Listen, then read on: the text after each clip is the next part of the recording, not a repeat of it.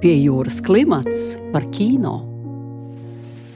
Māte man piedzemdēja 1942. gada 30. martā. Viņa stāsta, ka tas bija ap 18. pēcpusdienā. Tas ir sākums. Esiet sveicināti, pie jūras klimata klausītāji. Šodien raidījumā dzirdēsim laika biedru atmiņas par vienu no spilgtākajiem kinooperatoriem Latvijas kino vēsturē, Dāvi Sīmani, kurš šopavasar būtu svinējis savu 80 gadi. Par godu šim notikumam portālā Filmas LV skatītājiem pieejama jauna kolekcija, kas ietver septiņas spēļu filmas, divas no tām nu pat restaurētas valsts kinofotofono dokumentu arhīvā un četras dokumentālās filmas. Dāvis Simons darbojās Rīgas kinostudijā 30 gadus, bijis operators, inscenētājs teju 30 spēles un ap 40 dokumentālajām filmām, starp kurām atrodamas gan krimināla drāmas, gan vēsturiskais kino ar šausmu elementiem, kā arī filmas pašiem jaunākajiem skatītājiem. Daudziem no mums priekšstatu par latviešu kino veidojusi tieši Sīmaņa kameras acis. Filmas, pie kurām viņš strādājis kopā ar režisoriem Aivaru Freimani, Vāri Braslu, Arvīdu Krievu un citiem. Ābols upē, puika, aveņu vīns, Emīļa nedarbi, dubultnieks, fotografija ar sievieti un meža koili, cilvēka dienas, ievas paradīzes dārzs, Ziemassvētku jāmpadracis - tā ir tikai daļa no paveiktā.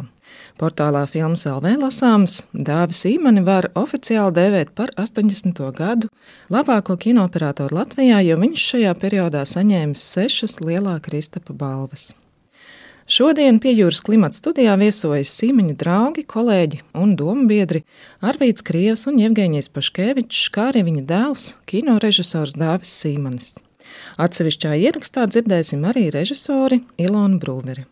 Portālā Filmas LV šobrīd ir skatāma Ilonas Brūvers portretu filma Trakonams ar dāvi, kurā ir redzama arī Dāvis Imaņa doma biedri. Arvīd, vai jūs atceraties, kā tapa šī filma, un Dāvi, kādas ir tavas atmiņas par šo filmēšanu?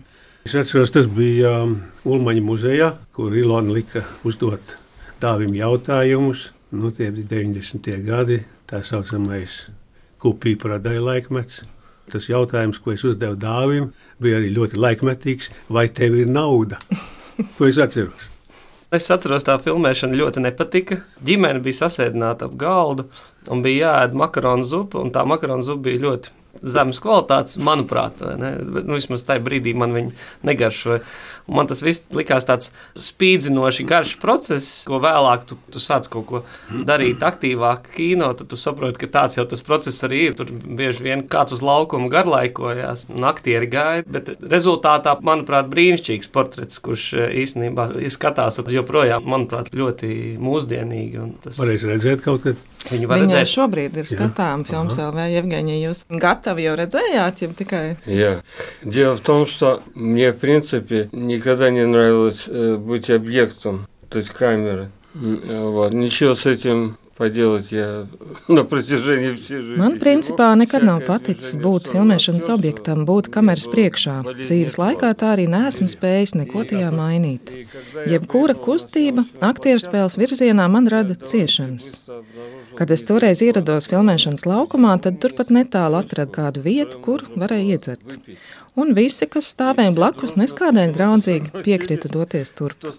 Kad bijām jau mazliet iedzēruši, atgriezāmies lokācijā, un es sapratu, ka ir jāizdara kaut kas tāds, lai man nebūtu jāfilmējas. Tomēr pēc iedzeršanas es biju kļuvis atraisītāks un drosmīgāks. Kad mani nostādīja īstajā vietā, pavērsa pret mani kameru un pavaicāja, kāds ir mans viedoklis, ko es vispār domāju, kas ir Dārzs Sīmenis. Manī kaut kas nobloķējās, es rupji nolamājos, un ar to filmēšana bija beigusies. Tomēr mana lamāšanās bija labsirdīga, jo patiesībā tas, ka es šodien esmu šeit studijā, liecina par to, ka es attiecos ļoti nopietni pret šo cilvēku, un manas jūtas ir ļoti lielas, spēcīgas. Tāds filmēšanās stāsts tomēr mani tik un tā filmā var redzēt. Nabaga Ilonai nācās izmantot dubulto ekspozīciju, un jūs neko nemaz nevarat pamanīt, bet es zinu, ka esmu filmā, tādēļ var ieraudzīt. Man ir gaiša žakete, un es klusēju, bet tikmēr runā dāvis говорит по моему адресу. Так что участие состоялось. Kā atpazīt filmu, kurai operators ir bijis Dāvis Simons? Kas bija tas varbūt jaunais, ja viņa kamerai raksturīgais, ko viņš ievies Latvijas kino? Tur es varētu teikt, tā, ka es esmu viens no tiem, kas viņu pazina gandrīz vai no paša sākuma, kā viņš sāka darbību Rīgas filmu studijā. Un, uh, es toreiz biju kronikā, tā saucamais vecākais administrators, kronikas filmām, kas brauc līdzi un nu, kārtoja tur visādas lietas. Un Dāvis bija tikko sācis filmēt. Pirms tam viņām bija kaut kāda pasūtījuma filmiņa par mežiem. To es tā neatceros. Bet atšķirībā no pārējiem tā laika operatoriem man tā likās, ka ļoti. Es atceros viņu pirmo sižetu, ūdens putni vai kaut kas tam līdzīgs. Viņām bija tāda īpašība atšķirīga, ka viņš mainīja rakursus, dažādas filmēšanas rakursus, no zema punkta, no augstāka, kaut kur uzlīst augšā. No augšā toreiz operatori līd gan, bet tā no zemāka rakursa, teiksim, no grāvja, toreiz skaitīt dzējolīti, ceļmalā ir grāvītis, grāvītī guļ dāvītis, jo viņš filmē automašīnas riteņus, kas iet garām. Nevis visu mašīnu, kā tas standarta kadrā bija pieņemts. Runājot par viņa bildi, Nu, viņam pirmais bija glezniecība.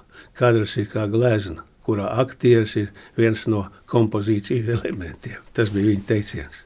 Aktieri to tā saprata, kāds apvainojās, kāds ne, bet nu, joks paliek joks. Nu, viņš patiešām skatījās, lai būtu kadrs, kā glezna. Mums jau ir kinematogrāfijā tā, ka lielākoties ir filma kā grāmatas jeb scenārija, ilustrācija, kā literārs ilustrējams bilde, kas stāsta kā literatūra. Ir filmas režisori, kas strādā pēc mūzikas principa, tas pats Josefs Jānis. Tā ir filma, kā simfonija ar visu ievadu. Dāvina kadrs bija glezna, un arī viņš skatījās līdzi, neapgriez manu kadru par īsu kadrs ir jānoskatās līdz beigām. Tas dod dusmās, kā tā filma tika sagraizīta. Es uzfilmēju kārtīgi sižetu, bet režisori ņēma un to sagraiza. Tā jau ir. Jā.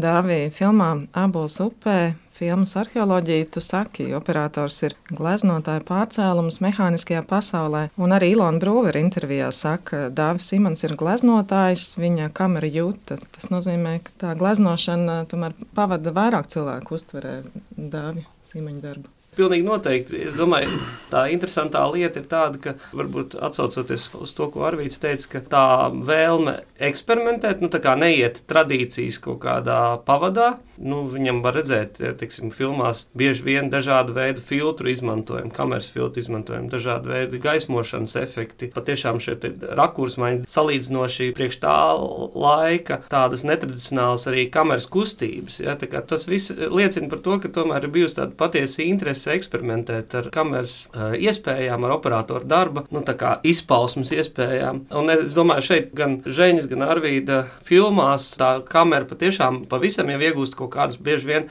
ja mēs runājam nevis par stāstu tajā literārajā nozīmē, bet par stāstu tādā kinematogrāfiskajā nozīmē, tad tur viņi iegūst patiešām to modernistisko spēku, kas gan ļauj kaut kādas lietas fragmentēt, gan kaut ko padara subjektīvu. Un tas, protams, viņam izdevās, manuprāt, vislabāk tieši tādēļ, ka tas arī bija kaut kāds viņa intereses fokus, ka tas viņu arī interesē. Viņš vairāk kārt arī pats ir par to izteicies. Viņš meklēja tās kino valodas, tos paplašinājumus, ko mēs vēl varam izrunāt kino valodā, nepakļaujoties tam literārajam diktātam. Par Dāvis Imaņa veikumu filmā Ābols upē Ilona Brūvers saka, ka šajā filmā, līdzīgi kā Rolanda Kalniņa, filmā Piejūras klimats ir redzams tobrīd jaunākās kino autoru kino tendences, lai gan Eiropas autoru kino Latvijā aizdzelzs priekškaru tobrīd ir ļoti maz pieejams. Vai tā bija, vai viņa darbi sasaucās ar to brīdi Eiropā notiekošo? Es domāju, ka pilnīgi noteikti sasaucās.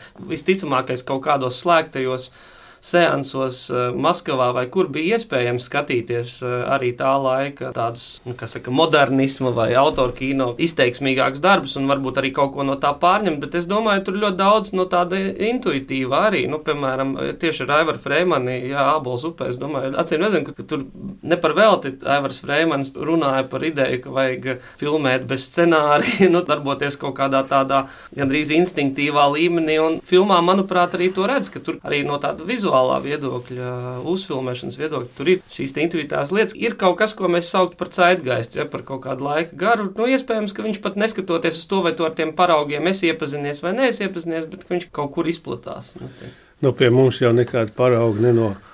To tā teorētiski mēģina kaut ko salīdzināt. Tur bija tas, tur bija tas, un šī ir kaut kas kopīgs. Viņi viens vispār nezina, ka tāds ir. Mums jau toreiz nebija nekādas iespējas kaut ko redzēt, kas kaut kur pasaulē notiek. Un, manuprāt, tas ir ļoti intuitīvi. Kritiķi mēģinās savilkt, viņš gribēja taisīt moderni, un tad viņš tā mācījās no tā un no šitā.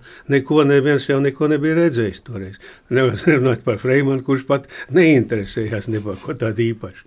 Tad, kad viņš taisīja dokumentāras filmas, tad viņš teica, aktieru kino tas ir sūds. Un otrādi, kad viņš taisīja tādu īstu spēļu filmu, tad viņš saka, nu, tas dokumentālais tur jau neko nevar. Tas ir sūds. Bet būtībā viņš jau arī cilvēks, kas ir tendēts uz kaut kādām savām izjūtām, rādīt, uzfilmēt apskatīt. Tas jau nonāk automātiski, pilnīgi intuitīvi. Tur neviens nedomā, es tur tādu, tādu stilu tagad taisīšu. Nu, es neesmu dzirdējis, ka kaut ko mums visā šajā darbības laikā dāvi kopā, ka kaut kas tāds būtu mēģināts teoretizēt. Tas viss ir atkarīgs no tā, ko tu gribi izdarīt tur, ko tu gribi uzfilmēt, un kādas emocijas nāk ārā no tā, ko tev jāpaspēj nofiksēt. Tas viss bija tādā sajūta līmenī, kā viņš strādāja ar žēņu, piemēram. Tas bija pilnīgā tādā saprašanās, domāšanas līmenī. Bet viss ir atkarīgs no tā, kas tam cilvēkam ir iekšā. Tas, kas taisa filmu operators, jo operators jau būtībā ir režisora acis.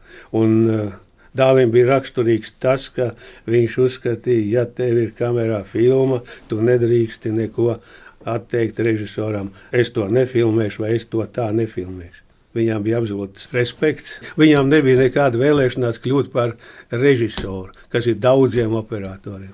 Viņš nekad necentās būt scenārists, viņš palīdzēja domāt, kā tas tur būs. Un, protams, ar tādu savu viedokli, kā es to labāk uzfilmēšu un cik tas būs labi priekš uh, filmēšanas. Bet viņš nekad nemēģināja kaut ko režisēt. Tā bija viņa tāda ļoti raksturīga īpašība, kas ir nu, mūsdienās tā nu, nesevišķi.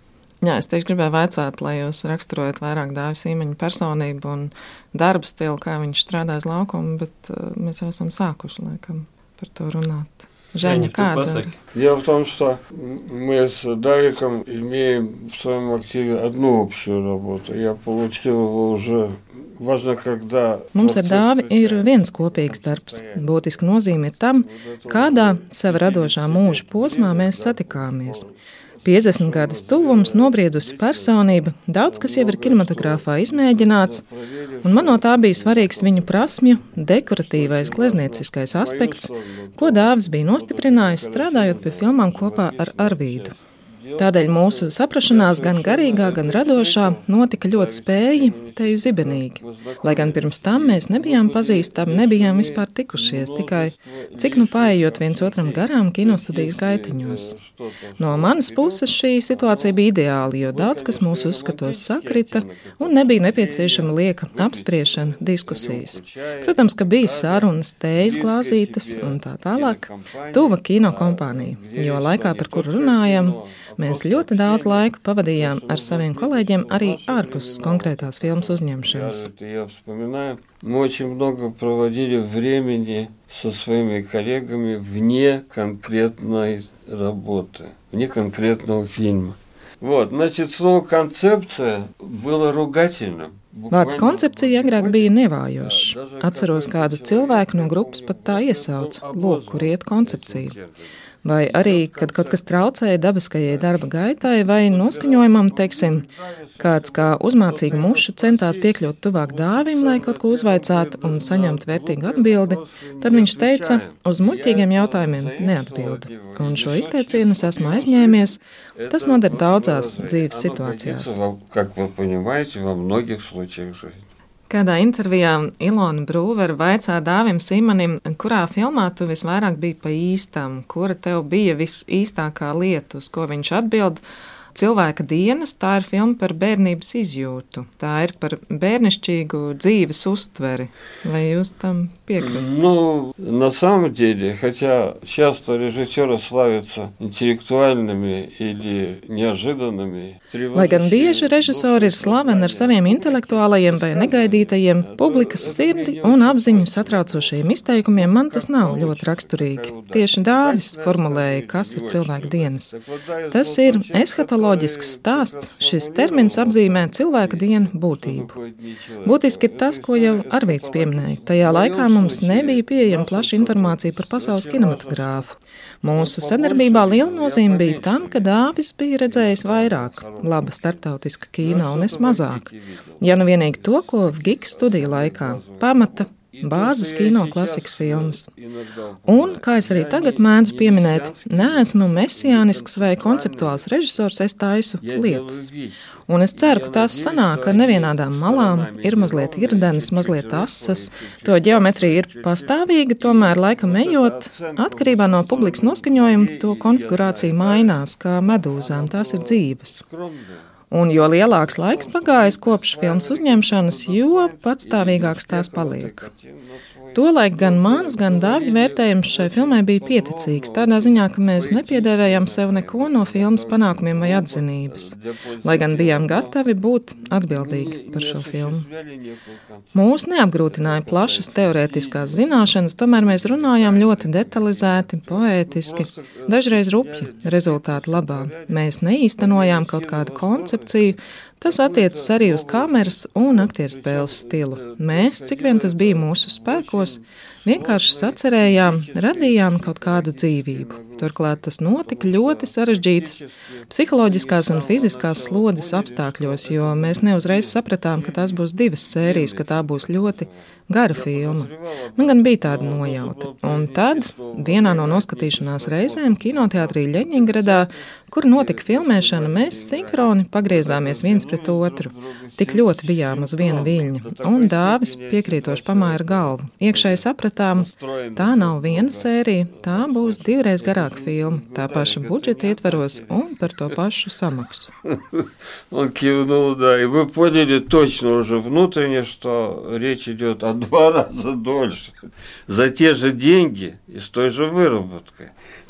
Jūsu filmā Mievas paradīzes dārzs un basa ir tāda vieta, kur zemē operators Dāvs Simons vienlaikus ir arī scenārija līdzautors. Kā izveidojās šī situācija un ko viņi deva? Nu, mēs kopīgi tad, arī zin, domājām par to, kas būtu, kā būtu jādara un kas tur notiks. Un scenārijs jau vispār ir tikai tā, lai būtu iemesls parakstīt kaut kādus papīrus, un, jo filma jau tiek taisīta uz vietas tad tā ir filma. Nu, man jau pats skolā mācīja, ja scenārijā ir viss tā kā vajag, tad labāk tādu neņem, jo tas jau ir. Un tev nebūs interesanti ar to strādāt. Nu, tagad jau nu, birokrātija vienmēr ir skatījusies un vilkus ar pirkstu līdzi, vai tur ir ābeļziedi vai ķiršu ziedi, un ir prasīta atļauja priekšniecībai, vai vienus drīkst, vai tie ir noziedējuši, un tagad vai drīkst otrus filmēt. Nu, tādi gadījumi arī bijuši. Nu, arī mūsdienās ir visādi. Es gan pašlaik nezinu, kas pašlaik tur notiek, bet kādu brīdi jau tā bija, ka tur ierēdnis sāk komandēt, kas jums ir jābūt kadrā. Un tad tagad, ja režisors vēl komandēs operatoru, kā viņam tas jāfilmē, ir, nu, tas ir jāzina pēc izjūtas. Es domāju, ka iestrādājis katrā filmā jau kaut kā savādāk. Tas ir provēs vai pirmās Parasti pirmās filmēšanas bieži iznāk neveiksmīgas, jo nevar uztrāpīt to īsto noskaņu, to īsto stilu, kāds būtu vajadzīgs, kas atbilst tēmai, kas atbilst aktieriem. Un paiet kaut kāds brīdiņš, kamēr piešaujās. Un tad jau viss iet. Un es nezinu, man nav paradums nekad vispār līst iekšā kamerā, kontrolēt operatoru. Daži tādi režisori ir šobrīd jau arī tāds paradums, skatīties, ja, ja netiek klāt pie tās kameras, tad tagad noliek televizoru un viņš nevis strādā ar aktieriem, bet viņš skatās televizorā, tur monitorā, un tad viņš tagad taisa filmu. Nu, es nezinu, tā varbūt var, bet nu, kas iznāk, iznāk. Nu, var jau arī tā, ka scenārists uzraksta, operators uzfilmē to, ko aktieris ir nospilmējis, un tad nāk režisors, un viņš to samontē kopā. Režisors vispār nav vajadzīgs. Nu, tādas lietas arī bijušas Rīgas kinostudijā. Arī. Tā jau ir runa par savstarpēju sadarbību. Savstarpēju uzticēšanos. Ja operatoram var uzticēties, tad kāpēc viņu raustīt? Vēl? Bet jūs kopā esat uh, veidojuši gan ļoti dažādu žanru spēles, kino, gan arī dokumentālo. Kā mainījās viņa pieeja šajos dažādajos nu, kinoveidos? Dāvis jau vispār sāk kā dokumentāro filmu operators, un pēc tam tikai pārgāja uz, lai viņš līdz tam varētu nonākt. Vispirms asistents, pēc tam operators uz kroniku, un pēc tam augstāk, augstāk. Tur jau bija vesela paudze, tā saucamie vecākie biedri, kas tā uz leju skatījās, uz tiem, kas tur no tiem jauniem nāk.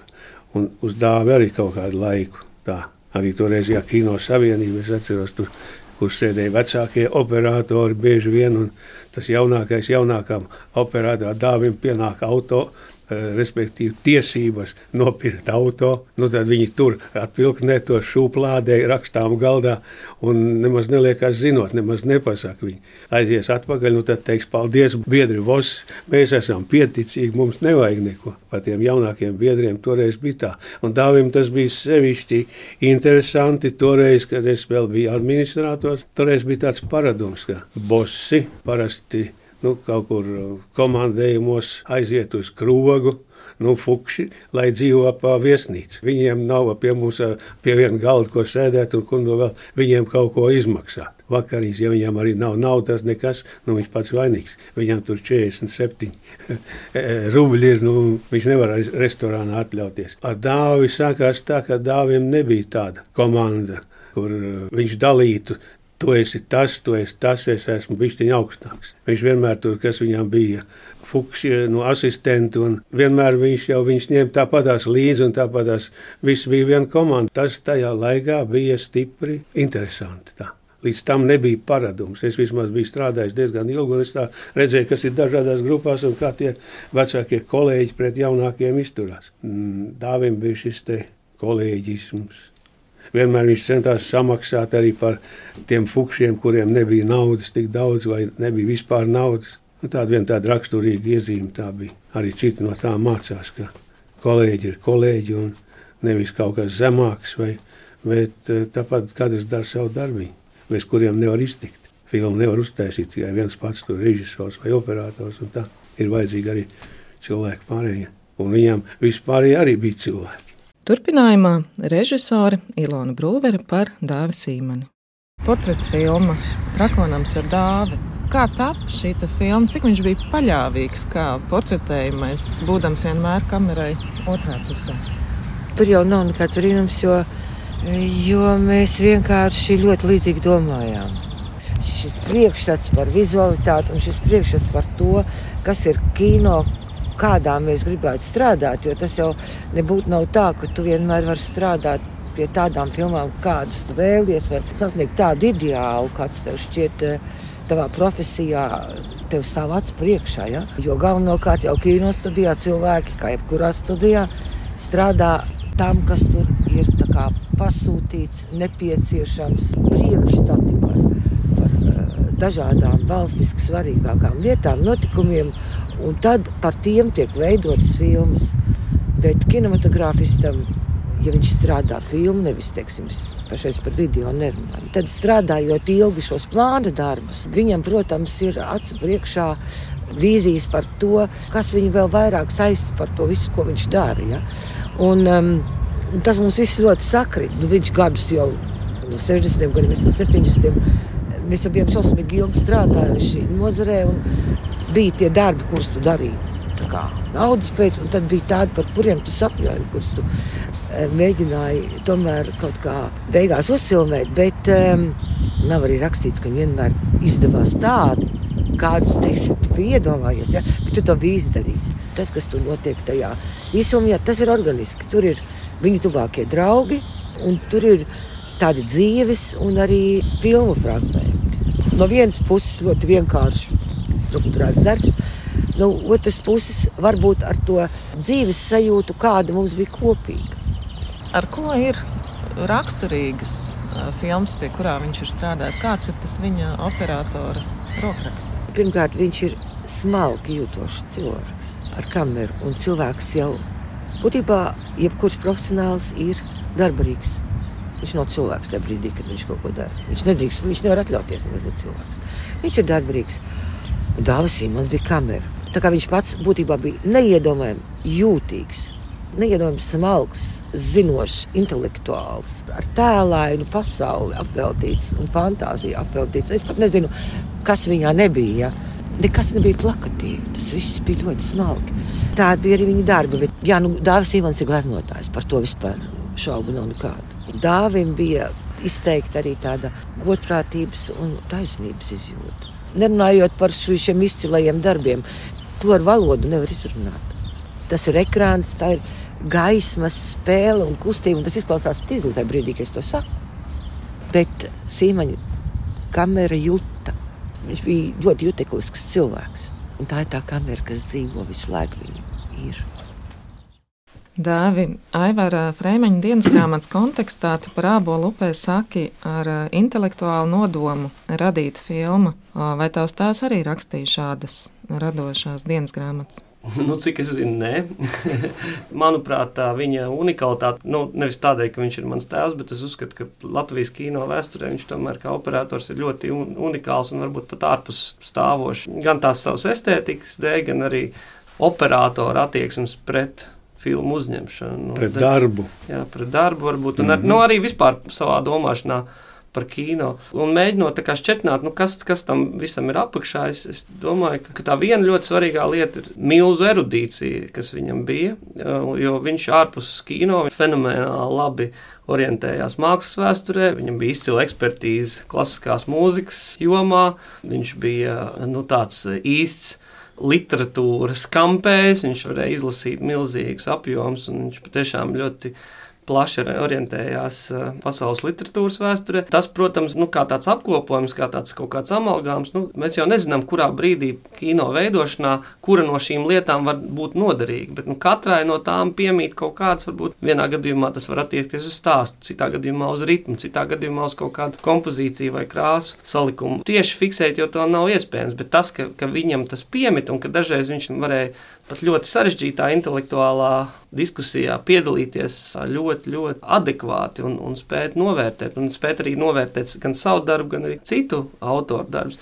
Nu, tas, manuprāt, ļoti lielā mērā atbalstīja viņu arī kā mākslinieku. Jā, tādā nozīmē, ka man patika tas, ko Žēņa teica, ka nu, ne jau koncepcijas, arī ar to pieminēja, ne jau koncepcijas, nu, ne jau kaut, izstrādāt kaut kādu plānu, kaut gan, piemēram, Ābolā upē pilnīgi noteikti Atceros, ka viņš runāja, ka nu, teiksim, Ročenko ir bijis ļoti liels iedvesmas avots, veidojot tādu upē. Tas nozīmē, ka kāda veida iepriekšēja domāšana par to ir bijusi. Nu, skaidrs, ka tur nav tā konceptualizācija, tur nav tāda kā, izvirzīt, sastindzinātas idejas un tad mēģināt viņām sekot tā darbošanās, tā aktīvā mākslinieckā darbošanās, nu, tā tās intelektuālās vai estētiskās zīslas no kaut kādas iepriekšējas pieredzes, viņas tomēr iznāk virspusē. Un pēc tam arī spēja par to runāt. Tā, starp citu, ir ļoti unikāla spēja spēt runāt par to, ko tu esi izdarījis. Nevis tā, ka vienkārši daru, daru, daru, bet spēt kaut vai retrospektīvi paskatīties un pateikt, jā, nu, tur es darīju to, varbūt nezinu precīzi, kāpēc es toreiz to darīju tieši tādā veidā, bet tagad es par to varu runāt. Un kāda bija tava iesaiste filmās, pie kurām strādāja tēvs? Es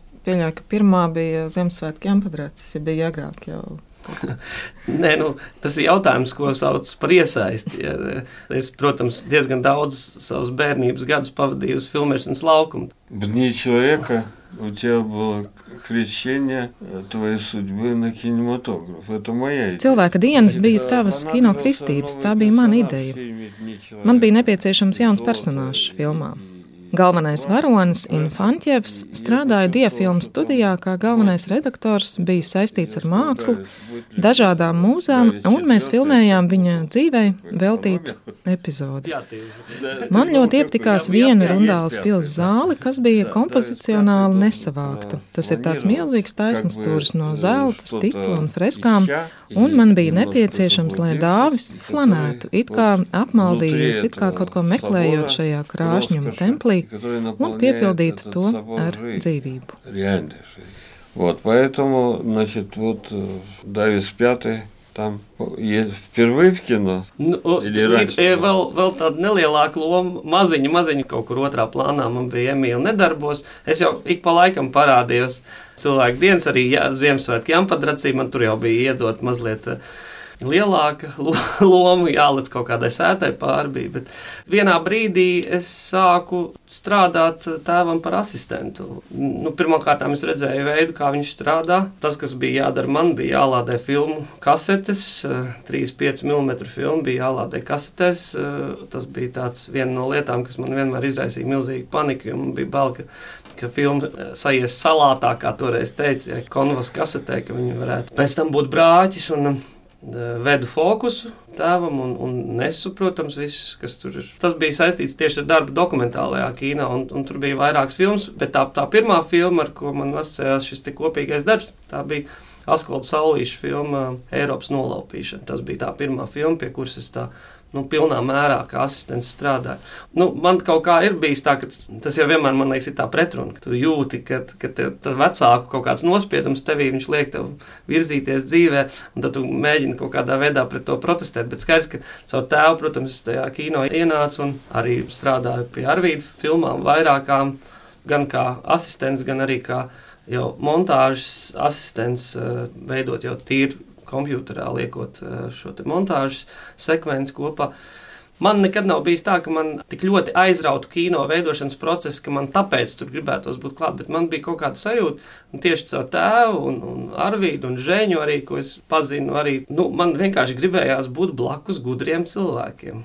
Nu, tāda ļoti vienkārša vēlme. Tajā brīdī es to asociēju kino ar gudru cilvēku mākslu. Ka tā nav māksla tikai kā māksla, kā kaut kāds tāds, nu, pilnīgi tāds inspiratīvs, tikai ar iedvesmu saistīts process, bet tā, ka kino ir tāda māksla, kur pieprasa nu, ļoti lielu intelektuālu iesaisti, ja kaut kādu tādu nospridzinājumu intelektuālu. Un tas man tajā brīdī fascinēja, un tāpēc arī kaut kā es pats beigu beigās paliku joprojām ar to nodarbojos.